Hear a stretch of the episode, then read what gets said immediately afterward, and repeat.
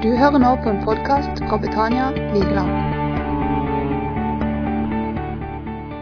Jeg fikk et spørsmål om jeg kunne preke litt om økonomi.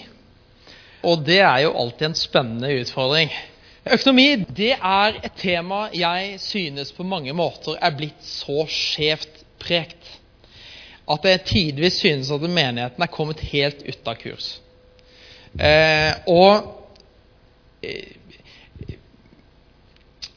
jeg kan si det fordi at jeg sitter eh, ikke bare har jobba som pastor og sett på en måte den siden av saken, men har, i dag så sitter jeg i bank, og jeg ser den fra bankverden. Eh, og jeg har alt fra menighetsfolk til mannen i gata som kommer, og økonomien er stort sett helt lik. Det forteller meg at vi er alle inn under den samme påvirkning. Vi lever alle i den samme verden, og vi fristes av akkurat de samme fristelsene som alle andre. Ehm, så når jeg fikk utfordring på å undervise, så kommer jeg nok til å gjøre det på en litt annen måte enn det du er vant til. Jeg er litt bundet av manuset da, for jeg har så utrolig mye på hjertet. Eh, for dette her kunne man ha undervist eh, Man kunne hatt en prekenserie om det greiene her. Ehm, så bær med meg hvis du syns at jeg kikker litt mye i papirene, så er det bare for at eh, jeg ikke skal ta helt av gårde. Ehm, en annen ting er det at jeg tror det vil bli en uh, formiddag til oppmuntring og trøst. Uh, og så er det mange unge som også er her i dag, og det er jeg veldig glad for. For uh, klarer dere å gripe noen av de prinsippene som jeg kommer til å dele i dag, da kommer dere til å ha en meget god og solid økonomi resten av livet. Um, som tidligere pastor så må jeg si det at det, veldig ofte så var er møtt med utfordringen knytta til menighetens økonomi. Eh, og Det var ganske interessant å se det. altså Menighetens økonomi den er avhengig av at det er mennesker som gir frivillig, og som har en brann for at menighetens drift skal gå bra. Vi kaller en spade for en spade. Sånn er det. Og Som eh, pastor så, så jeg det at hvis man leder i en kurs som menigheten var fornøyd med, da satt pengene løst. Men var det litt sånn ruskevær, da satt pengene som limt fast i lommeboka til den enkelte. Og så var man nå frista som eh, pastor til å kunne forkynne om eh, eh, Ja, det ene er jo utfordringen at man kan fristes til å, å forkynne så det skaper fordømmelse. For hvorfor det ikke gis? Eller så kan man fristes til å preke om himmelske velsignelser, som absolutt ikke er i tråd med Guds ord for at du skal gi mer. Og egentlig handler det om at vi må mette et behov. Og da tenkte jeg for min del at her er det noen andre ting som jeg må jobbe med, enn at akkurat jeg begynner å manipulere ut fra talerstolen på at folk skal gi på en eller annen måte. Jeg trenger at folk begynner å skjønne.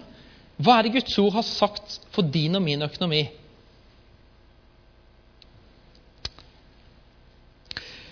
Og så vil jeg si ikke tro du får grenseløs rikdom fordi en forkynner eller TV-predikant lurte deg til å gi 100 000 i kollekt.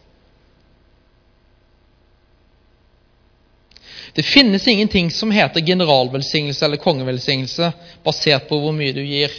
Det er falsk lære. Menighet og Guds rike er ikke en Burger King-butikk der du trykker på en knapp, og så, du, så kan du bestille akkurat hva du vil på bakgrunn av hva du betaler for. Og menigheten er heller ingen, eller Guds rike er heller ingen tippekupong, som Norsk Tipping, hvor du legger inn en tipp. Du fyller ut en tippekupong, sender den inn, og så håper du at tallene treffer den gangen her. Ofte så ser jeg at mennesker i menighet nå tenker om det om kollekt. Hvis jeg sår inn 1000 kroner den gangen her, så håper jeg Gud at du ser behovene mine, og at du møter meg. Og så kan det jo hende han så deg den gangen der. Da vant du i Lotto. Hvis det ikke, så kan du prøve neste, neste måned også.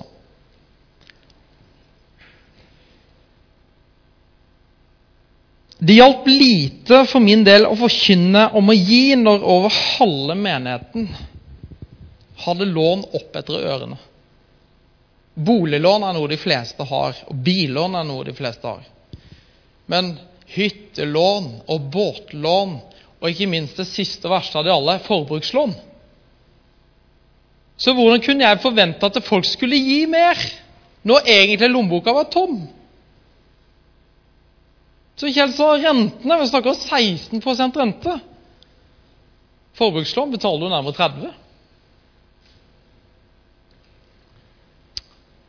Så hvordan kunne jeg forvente at menigheten skulle skjønne menighetens økonomi når egen privatøkonomi var en utfordring? Og Jeg tror faktisk Betania på Vigeland er ikke så veldig mye annerledes som en vel, veldig mange andre menigheter. Og så vil jeg si det at Når vi snakker om rikdom, så husk det du vokser opp i Norge. Det å bo i Norge det er i utgangspunktet å ha vunnet i Lotto. Vi bor i et av verdens rikeste land. Tar vi hensyn til oljefondet, så er vi millionærer, alle som sitter her. Og tar vi utgangspunktet i norsk helsevesen, så er vi, vi, vi, er, vi er rike, altså. Det er ikke så veldig langt bort fra Norge du skal før helsevesenet er satt sammen på en helt, helt annen måte. Og vet du hvorfor vi har det i Norge? Hvorfor vi er så heldige at vi både har et oljefond, vi har et helsevesen og vi har en infrastruktur i samfunnet som fungerer? Det er fordi vi som nasjon kom fra fattige kår og var vant til å leve med lite. Norge var bønder, stort sett bønder og fiskere. Og så har man vært igjennom flere kriger, og spesielt andre verdenskrig gjorde at dette samfunnet var lagt i grus og måtte bygges opp på nytt. Så krigsgenerasjonen de tok med seg noen verdier inn i hvordan dette samfunnet skulle bygges. Vi står på skuldrene av krigsgenerasjonen. Og så har vi vært veldig veldig heldige for det at eh, vi fant olje. Så en del av dere har kanskje sett 'Lykkeland', som gikk på NRK. Egentlig en kjempeartig serie som handler om dette her, hvordan, hvordan det var når eh, olja begynte å flyte i Norge. Og folk ville ut i Nordsjøen og tjene penger. Og så har vi fiske. Vi er en av de største eksportørene av fiske. Vi er en av verdens største eksportører av aluminium. Så vi er en rik nasjon. Det er derfor eh, eh denne tollen som Trump ønsker å legge på aluminium, den treffer også, også nasjon. Vi er en av verdens største eksportører av det. Og I tillegg så har vi skifergass. Altså, vi har, vi har vunnet i Lotto bare med å vokse opp i Norge. Så vi må ha det som utgangspunkt når vi snakker om rikdom. Og så er det en annen ting hvordan måler vi rikdom. Der eh, kommer det litt an på hvilken målestokk vi bruker. Bruker vi millionærmålestokken, så måler vi det ut ifra penger. Men jeg tror at rikdom det må måles ut fra noen andre parametere enn akkurat hvor mye penger du har på bok. Men det er en annen sak. Men nå snakker vi om eh, Bibel og sunn økonomi i dag. Så er det viktig for meg å si det at Gud har allerede velsigna deg gjennom Jesus Kristus. Du kan ikke bli mer velsigna enn det du allerede er. Og Det er viktig å skjønne at det, å liksom Gud velsigne meg altså det, det er bønner som ikke han helt skjønner, for han har gitt deg alt. Det, det, er det samme som om du hadde flytta inn på Slottet til kong Olav og sagt å, bare du ville gitt meg alt. Ja, men du, du har jo alt. Du har flytta inn på Slottet. Det var det vil si å tatt imot Jesus Kristus og for at hele himmelens herlighet og rikdom flytta inn på innsiden av deg og meg. Så vi må begynne å skjønne hva vi har, og hvordan vi skal leve ut ifra det Gud har gitt oss.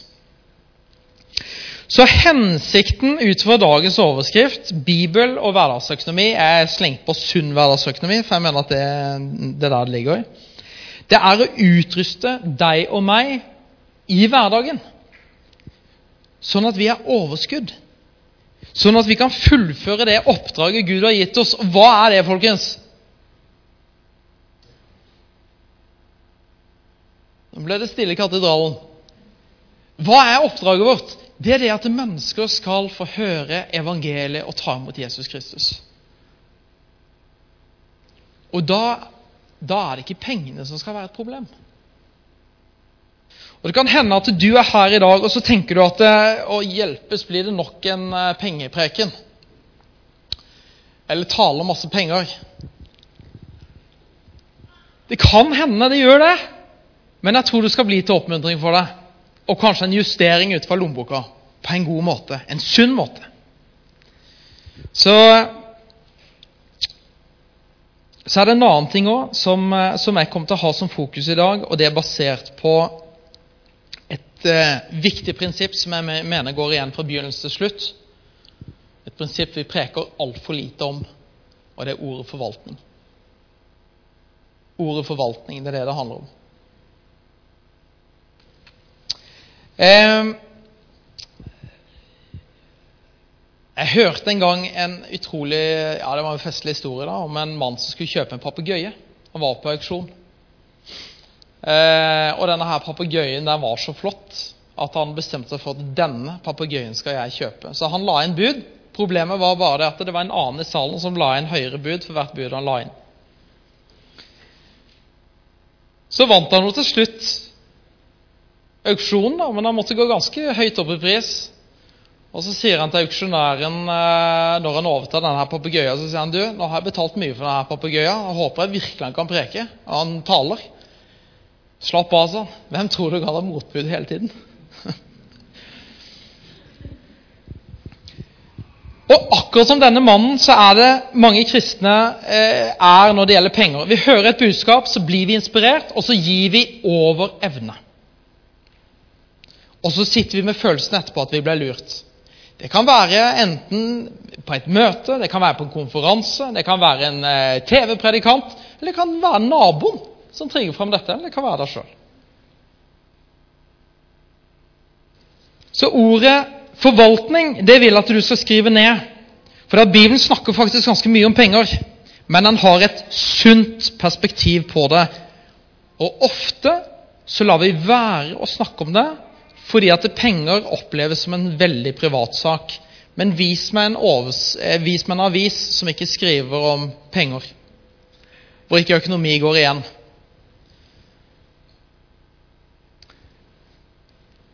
Det er gjerne kommuneøkonomi, skoleøkonomi, forvaltning av eh, dine og mine skattekroner osv. osv. Vi lever i en verden hvor man snakker mye om penger, og da må vi tørre å gjøre det i menigheten også. Så vil jeg bare si det at det som, det som jeg legger vind på i dag Jeg står her som teolog i dag. Og jeg er en av de som kan si jeg har utdanning halvveis til prest, så jeg kan si jeg er teolog. Jeg har det på vitnemålet, og ikke som økonom her i dag. Men eh, Dere vet jo flest hva jeg jobber med, men eh, eh, jeg forkynner i dag, og så er det ikke rådgivning. Da får dere ta en tur i banken, så får vi heller ta det der. Hvis du har bilen med deg, så slå opp i Første Mosebok eh, kapittel 1. Det er greit av og til å begynne helt fra begynnelsen. Første Mosebok kapittel 1.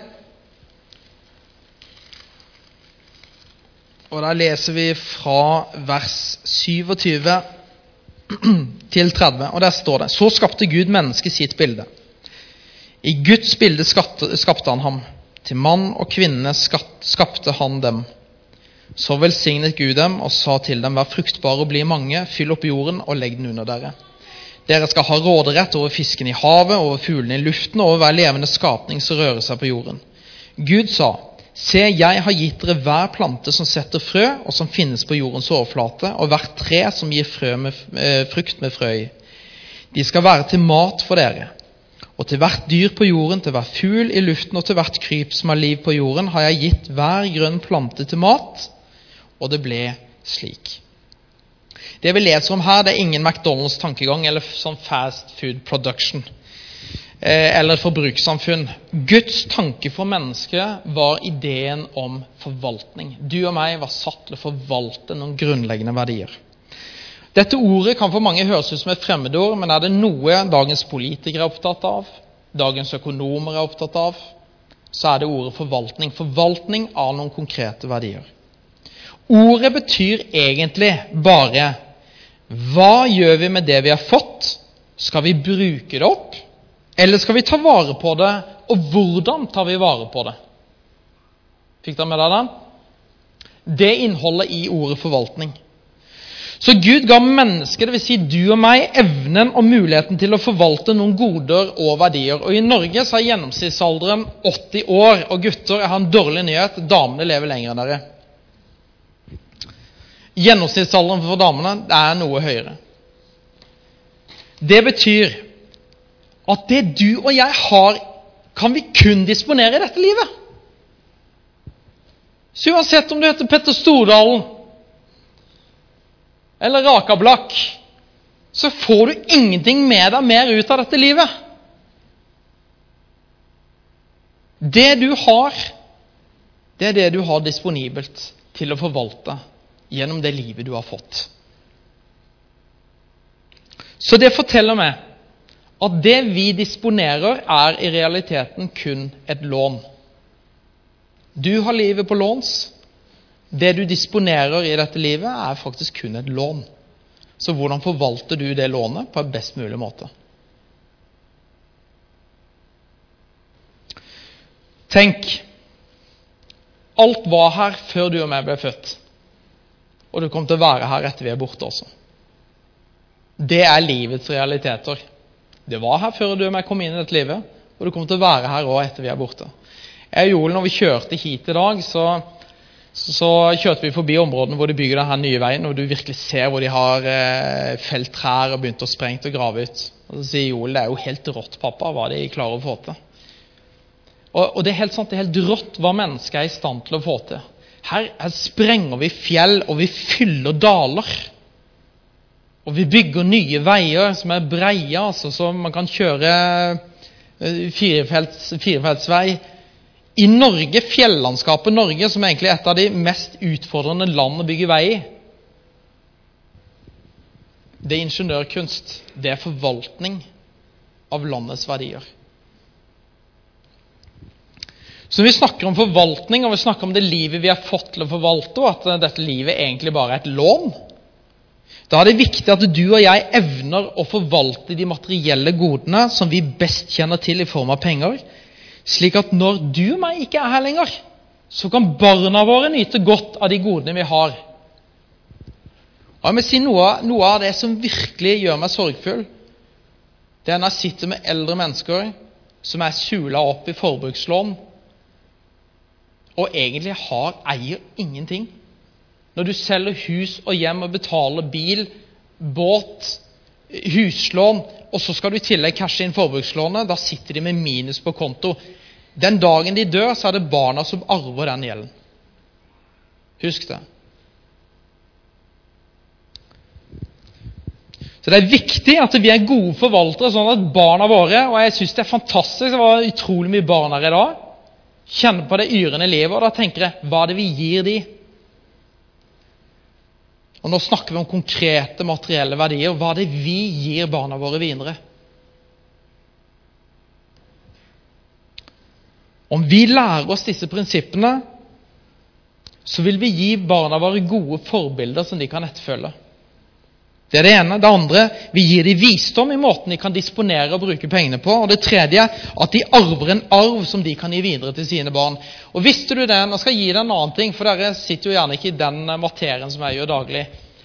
Om du tar den smarteste av den smarte, og du tar et barn som er vokst opp i et uh, type rikmannshjem som uh, tar Reitan Og IQ-en på barnet er betydelig lavere enn den smarteste av den smarte, så vil likevel det barnet ha lært seg noen prinsipper gjennom at det er vokst opp i et hjem som er vant til å tenke forvaltning, som gjør at han kan videreføre de verdiene. Mens den smarte av den smarte blir antageligvis ikke noe bedre på forvaltning og vil antageligvis ikke være noe rikere heller. Han er bare veldig mye smartere.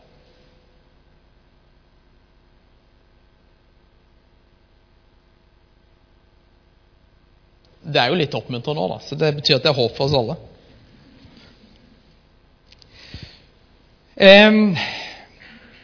For at du og vi skal være gode forvaltere, så er det viktig at vi forstår noen grunnleggende lover, både fysiske og noen åndelige lover, som alle mennesker er under. Er bare, du og jeg kan bare se på økosystemet og se hvordan hele verden er satt sammen. Vi trenger ikke å forstå disse lovene i detalj, for vi har et godt liv. Men vi trenger kun å samarbeide med dem. Du trenger ikke å forstå alle de fysiske lovene i detalj for at, eh, for at du skal på en måte føle en, en, eh, for at du skal kunne ha det godt. Men om du og meg lærer å samarbeide med de fysiske lovene, da kommer det til å bli veldig spennende. skjønner du. Og Den ene loven er magnetisme. Du trenger jo ikke forstå loven om magnetisme for å bruke et kompass. Gjør du det? Du trenger egentlig bare å samarbeide med det kompasset for å finne retningen på nord og sør, og øst og vest. Og du trenger ikke forstå loven om elektrisitet for at du kan skru på lyset. Altså, Jeg skjønner ikke hvordan elektrisiteten fungerer, annet enn at jeg ringer en elektriker for at ikke huset skal brenne ned. Men vi har noen knapper vi kan trykke på. Og så har vi et sikringsskap med noen sånne sikringer vi kan få på lyset hvis det går. og Hvis ikke det funker, så ringer vi en elektriker. Og Jeg trenger heller ikke forstå loven om tyngdekraften, men du verden hvor glad jeg er for den eksisterer. Er vi ikke enige om det? Ellers har vi vært svevende hele gjengen. Det samme gjelder Guds lov for penger. Vi trenger ikke å forstå Guds lov i detalj, men vi må vite hvordan vi skal samarbeide med Guds lovforordning. Ordspråket 11,18. Så Bibelen igjen. altså vi kan, eh, Det er bare fint å lære seg å bla litt i Guds ord. Eh, vi er blitt så digitale at eh, vi kan ta tid til det. Hvis du har med Bibelen, slår vi opp på ordspråket 11 og vers 18, og der står det Den ugudelige skaffer seg en falsk lønn, men den som sår rettferdighet, får en sann avkastning. Den som sår rettferdighet, får en sann avkastning. God forvaltning vil føre til god avkastning. Så for å lære hvordan du skal bruke loven om å spare og investere, så må vi først lære loven om å så og høste. Noen, er det noen som jobber, jobber med jordbruk, som er her i dag?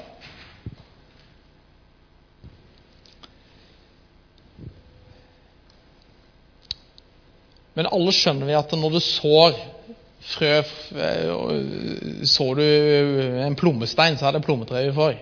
Vi er der. At ikke det er epler du får. Og Det er det vi snakker om. Sant? At det, eh, hvis vi skjønner loven om å så og høste, da vil du forstå hva du høster, ut ifra hva du sår. Og alt starter med et frø. Vi leste i første Mosebok 1,30 at Gud sa, Se, jeg gir dere alle planter som setter frø, alt som finnes på hele jorden, og alle trær som bærer frukt med frø i. Jeg skulle ha hatt med et eple i dag, så skulle jeg kutta det i to. For alle vet at inni eplet så ligger det noen små frø. Ikke sant? Vet du hva kraften i det lille frøet er? Hvis du planter det frøet, eplefrøet, ned i jorda, og du vanner det og du steller det, hva er kraften i det frøet? Og vet du hvor stort det treet blir, Kjell? Hva potensialet er for høyden på det treet? Mellom tre til fem meter. Tenk på det. Det lille frøet der har potensialet seg til å bli et sted mellom tre til fem meter. Og i tillegg så bærer det frukt med nye epler så du kan kutte opp og inni de eplene ligger det mer frø som du kan så og plante nye trær. Det er loven om å så og høste. Gründeren for Stormberg i Kristiansand, Steinar Olsen Jeg leste boka hans for, eh, for eh, noen år siden. Og Der skrev han at han hadde en drøm som liten gutt om å bli millionær. Har han lykkes? Har Steinar Olsen lykkes? Ja, det vil jeg påstå. Stormberg er jo et eh, godt og kjent merke. Men veien dit han er i dag, den har vært en lang og brokete vei. Et kinesisk ordtak sier skal du gå, skal du gå til mil, så begynner det med å gå først en meter. Så skal du en plass, så begynner det med å ta ett skritt om gangen. Ingenting skjer om du og meg ikke planter. Og om ikke du planter, så vil du heller ikke kunne høste det du har planta. Med andre ord, du og meg, vi må gjøre noen konkrete valg. Og så må vi handle på de valgene for å så og se resultater. Dette er en naturlov. Hør her. Du kan ikke plante uansvarlighet og høste suksess. Og du kan ikke plante latskap og høste en god lønn. Og du kan ikke plante sløsing og høste velsignelse.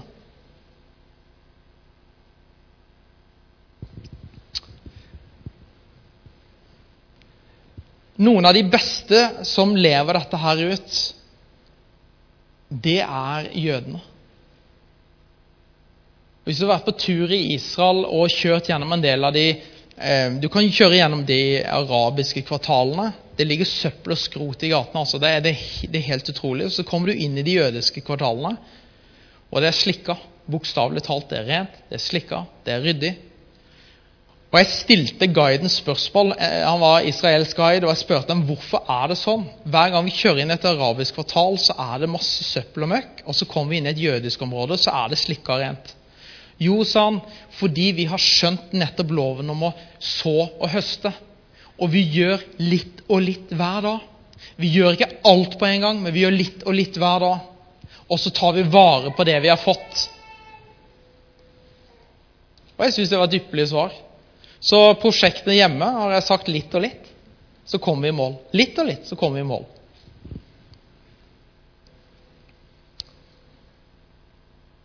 Vi høster det vi sår. Så en tanke og høst en handling. Så en handling og høst en vane. Så en vane og høst en karakter. Sår du en karakter, så høster du en, en hensikt, og sår du en hensikt, så høster du en framtid.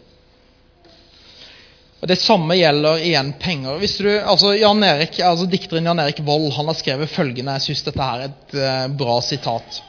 Kapitalismens grunnleggende mystikk er hvordan en krone ved å ligge stille en periode av tid føder en tiøring ved siden av seg. Tenk på det. Det er litt mystisk over det. Hvordan kan en krone ved å bare ligge stille en periode føde en tiåring ved siden av deg? Og har vi ikke tiåringer lenger. Jeg husker jo tiåringene. Men jeg kan bruke et lignende eksempel. Om du setter 1000 kroner i banken i dag Kjell, om du setter 1000 kroner i dag, og så skal jeg være kjemperaus med deg, du får 5% rente Beste renta vi har hatt på året da. 5% skal du få de neste 30 årene. Vi bare la den tusenlappen stå stille i fem år til 5 rente. Så har den tusingen vokst seg til godt over 4000 kroner. 4400. Ja, det var ikke så mye, sa han. Han har stått der i 30 år. Men hallo, han har jo ikke gjort noe. Han har ikke gjort veldig mye for å bli mer. Men hva om vi gjør et nytt eksperiment? Hvis du tar og setter en tusenlapp i banken i dag Jeg skal kjemperøst, du får 5% rente. Og du skal få det de neste fem, 30 eh, årene. Men så vil jeg at du fortsetter å sette en tusenlapp inn hver måned på en sparekonto. Vet du hva den tusenlappen nå vokser til?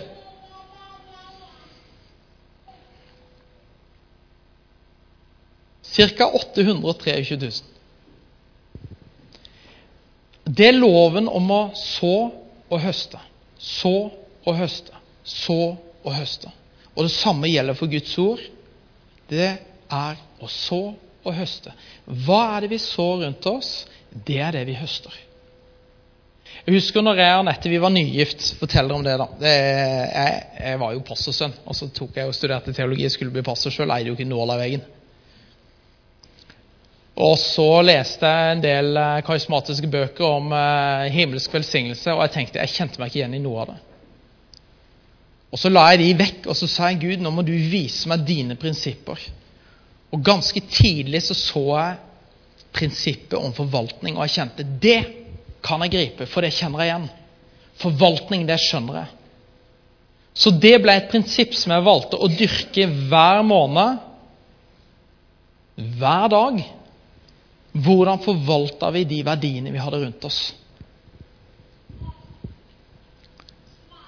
Og Det er jo ikke sånn at rikdommen kommer over natta, men den tar tid. Men litt og litt, gjennom å følge de gode, sunne prinsippene og de sunne forvaltningsprinsippene, eh, så, så vil du oppleve at en tusenlapp som ligger i ro, en øyeblikk av tid, har plutselig firedobla seg. Fordi du bruker de rette prinsippene om å så og høste. Vil du høste mer, så må du så mer. I Jobb 8,7 så står det din begynnelse var liten, men slutten den blir stor. Og Det kan vi si et amen for, Kjell. Kan vi ikke det? Så selv om begynnelsen kan være trang, følger du prinsippene, som Guds ord har sagt, så kan du forvente at slutten blir stor. Andre Korinterbrev 9,6 underbygger også dette. Der sier Paulus den som sår sparsomt, skal høste sparsomt, men den som sår rikelig, skal altså høste rikelig. Så er et fjerde punkt, og det er det gode vaner for en sunn økonomi. La oss se litt på disse gode vanene. For en, eh, noen år siden så satte jeg meg på skolebenken igjen og tok en ren økonomisk utdanning. Der hadde vi et regnskapsfag hvor vi hadde en revisor som eh, sto og snakka om viktigheten av at en bedrift hadde operative regnskapssystemer i tråd med norsk lov. Og at regnskapet og budsjetteringene var i tråd med norsk lov. Og dette var meget viktig. Og til slutt så rekker jeg opp hånda, for jeg klarer ikke å dy meg, så sier jeg Men du, jeg skjønner det at regnskapet til en bedrift er viktig, men hva da med din private økonomi? For jeg ser veldig mange de Selv om du jobber som snekker og bygger flotte hus, så er det ikke sikkert at huset ser flott ut når du kommer hjem. Altså, Det kan hende at det er et eller annet sted som glipper det. Og da sier denne her tromsøværingen at eh, privatøkonomi og privatøkonomi er sånn Et sted må vi bare forbigå i stillhet. Og det syns jeg faktisk var et veldig godt svar. For det er det man ofte gjør. Vi bare forbigår det i stillhet. Vi velger ikke å tenke så mye på det, og så velger vi ikke å snakke så mye om det. Men Bibelen lærer oss eh, Altså Det er stikk i strid med hva Bibelen lærer oss om å være gode forvaltere. Om du ikke har kontroll på hva du får inn av inntekter i måneden, eller hvor store utgifter du har hver måned, så vil du ende opp med å bruke mer penger enn du har.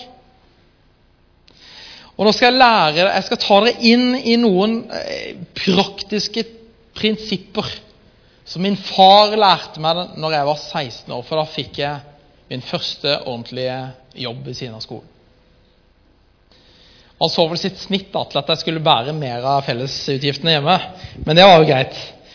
Men eh, prinsippene han lærte meg, de, har, de bygde jeg inn, og de har jeg dyrka til den dag i dag. Han sa nummer én du må lage et budsjett hvor du setter opp inntekter og deretter alt av utgifter. Så trekker du fra utgiftene fra inntektene. Hvis det da står minus på kontoen, da må du enten gjøre noe med inntektene dine, eller så må du gjøre noe med utgiftene.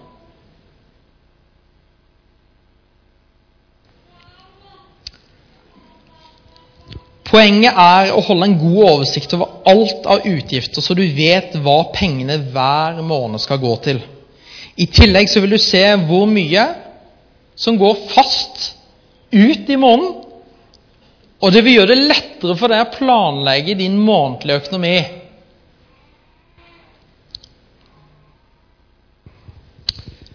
Og så vil du få en årsoversikt. Hvilke måneder er det det er ekstra utgifter? Da er det bare å tenke sesong. Vintersesong trenger du ekstra klær til vintertøy. Sommersesong, da er det ferie. Og så kommer høsten med skoleoppstart. Da trenger du ekstra midler til eh, alt som følger med skoleoppstart. Og så har du jul. Da følger gavene. Og tidligere måtte vi jo ta hensyn til, til både kommunalavgifter og årsavgifter. Du hørte jeg gode nyheter at TV-lisensen skal forsvinne òg. Slipper vi å tenke på den nå. Og så sa han Når du har gjort det, så er det en annen ting som er viktig. Når du får lønna di det første du alltid betaler, det er regningene dine.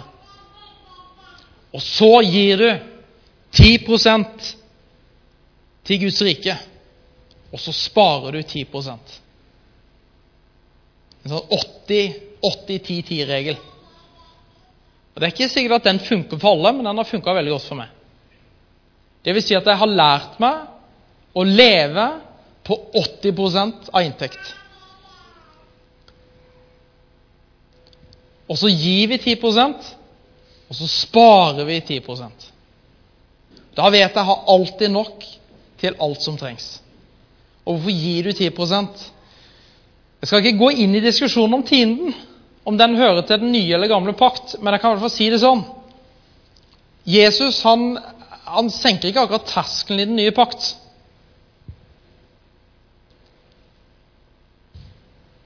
Så om du gir 5% eller 10% eller 20% så sier Paulus Gud elsker en glad giver.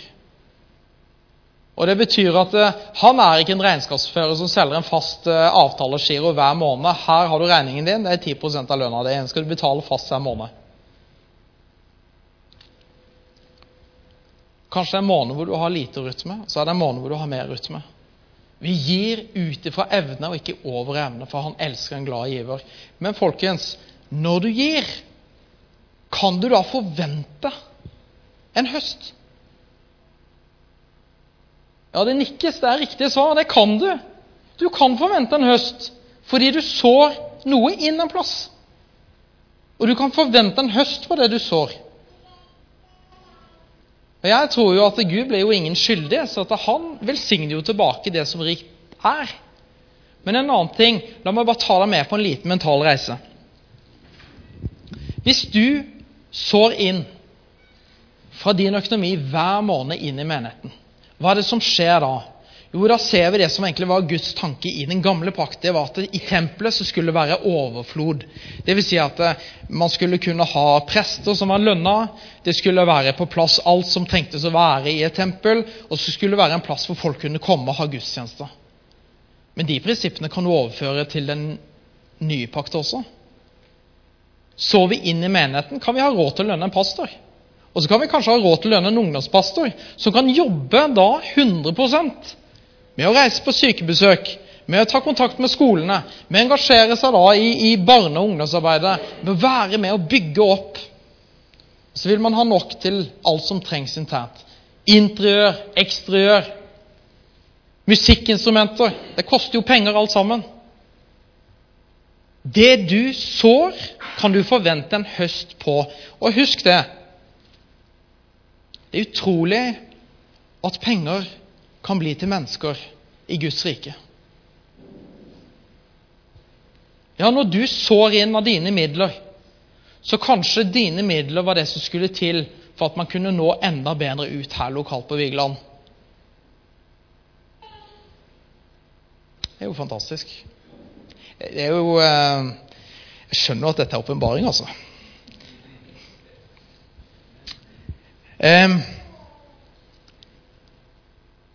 Og, og tro meg, jeg har sittet og hatt erfaring med det, og jeg ser det siste som blir frelst, det er din og min lommebok. Så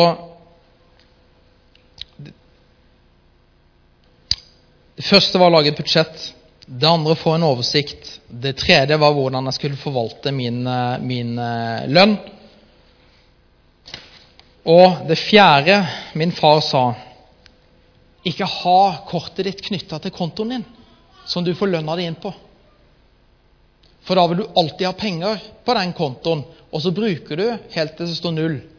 Så la lønna di gå inn på en egen konto, og så har du kortet ditt knytta til en annen konto.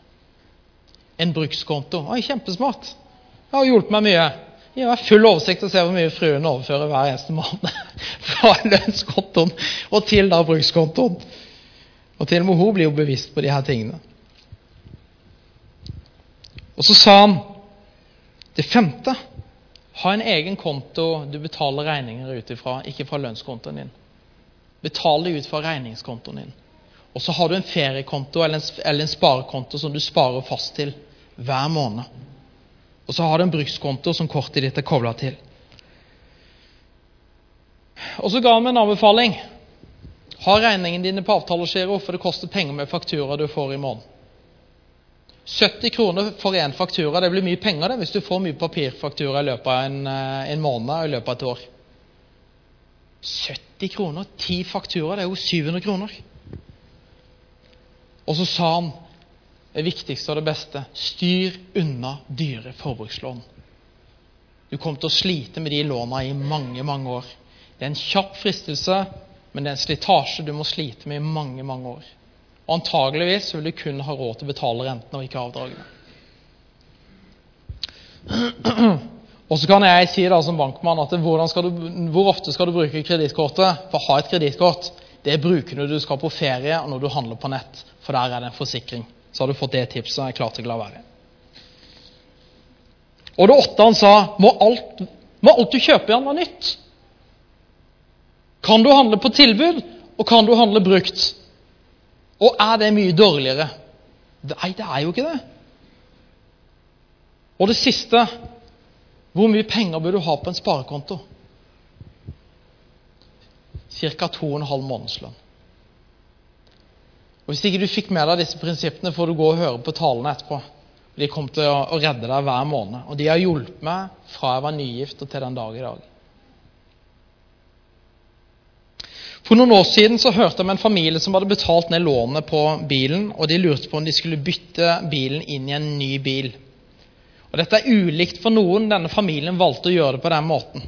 De valgte å beholde bilen, men det de gjorde, de sa Gud, i en periode av livet vårt har vi nå lyst til at de pengene vi har fast brukt på dette billånet, vil vi stille disponibelt for deg.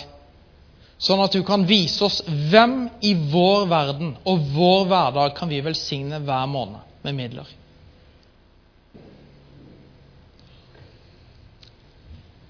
Jeg syns at det var en fascinerende måte å gjøre det på, og en utfordrende måte å gjøre det på. I stedet for å bytte ut bilen med en ny en, så valgte de en periode å si at vi har lyst til å la de midlene gå til å velsigne mennesker rundt oss.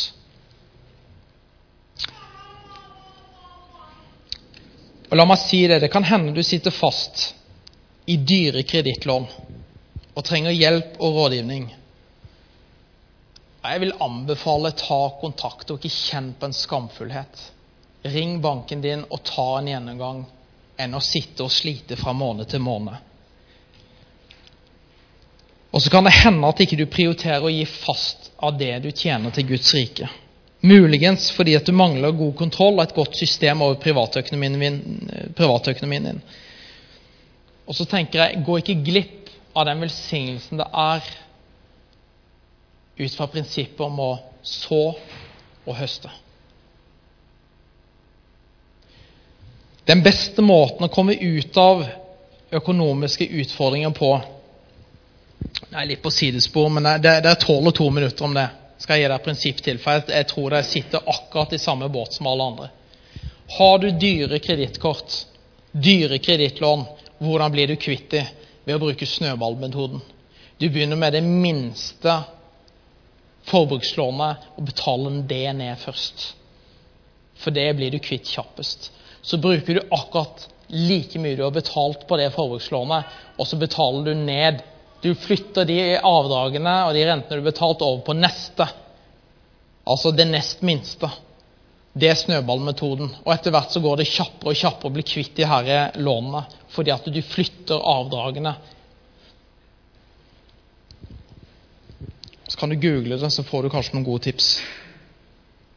Og Så kan det hende du sitter her i dag og tenker at privatøkonomien er din egen sak, og det har du jammen helt rett i. Du står ansvarlig overfor Gud, for deg selv og de rundt deg, for hvordan du forvalter det du har fått. Men sitter du her i dag og du vet at du trenger å omvende deg fra sløsing og manglende oversikt, pga. dårlige prioriteringer, så vil jeg stille deg det spørsmålet. Tør du i formiddag å legge økonomien din og lommeboka di i Guds hender?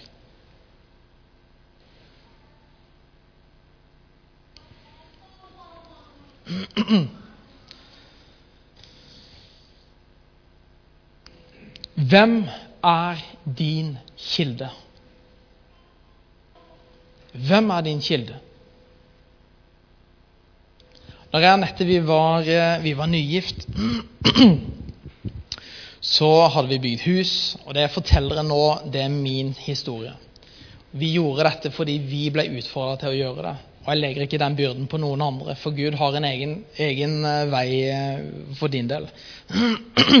Men for oss så lærte vi noe gjennom, gjennom en forvaltning av vår egen økonomi, hvor vi ble utfordra en periode, og vi kjente veldig konkret at vi skulle Eh, i avslutningen av studiet. Vi hadde bygd hus, vi hadde faste utgifter som skulle ut hver måned. Men vi ble utfordra faktisk til å ikke jobbe det siste halvåret og stole på Guds forsørgelse hver eneste måned. Og det var en krevende disiplin. Men pengene kom hver eneste måned. Og hvor de kommer fra, jeg aner fremdeles ikke. Altså det, det, var en forsørgning hver eneste måned. Og det var ikke foreldre, tro meg. Det var ikke foreldre, For ingen visste om det her. Men vi lærte gjennom det å stole på at Gud er vår kilde. Gud er vår kilde. Og han som kilde er alltid den beste kilden, også for din og min økonomi. Så det å sitte fast i dyre ting fordi at eiesyken har tatt deg, så kan det godt hende at han har en annen og bedre vei for ditt liv. Det kalles forvaltning, og så kalles det å være nøysom.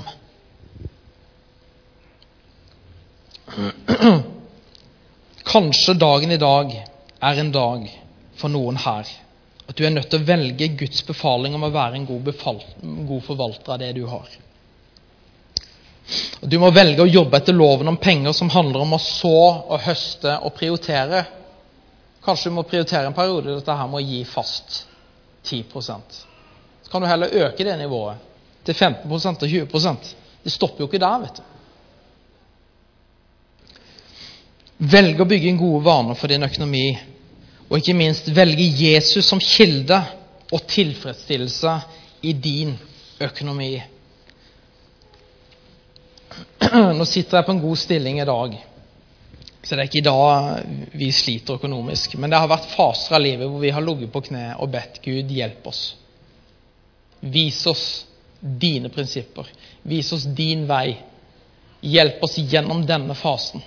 Nå trenger vi et mirakel. Du ser ungene trenger klær. Vi, vi, har, vi har, det stramt. Nå er vi pressa.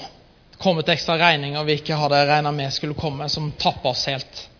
Så har vi opplevd igjen og igjen at når vi har lagt livene våre i Guds hender, så svikter jo han aldri. Han er der fast med. Det er å ha en sunn økonomi. At det ikke er pengene som binder deg, men at du har planta hjertet ditt hos den rette kilden som er Jesus Kristus. Og Nå kommer ungene, så nå skal vi gå inn til avslutning. Og Jeg tror vi skal ta oss og reise oss som en avslutning. For det er klart at det, dette her, det vet jeg lugger hos noen, og så er det godt for andre. Og så skulle jeg gjerne hatt, eh, I stedet for å komprimere det i et møte, så skulle jeg gjerne fått fire møter hvor en kunne ha bretta ut hva er Guds prinsipper for å ha det godt i din hverdag. Det står det, det står det men det er 3. Johannes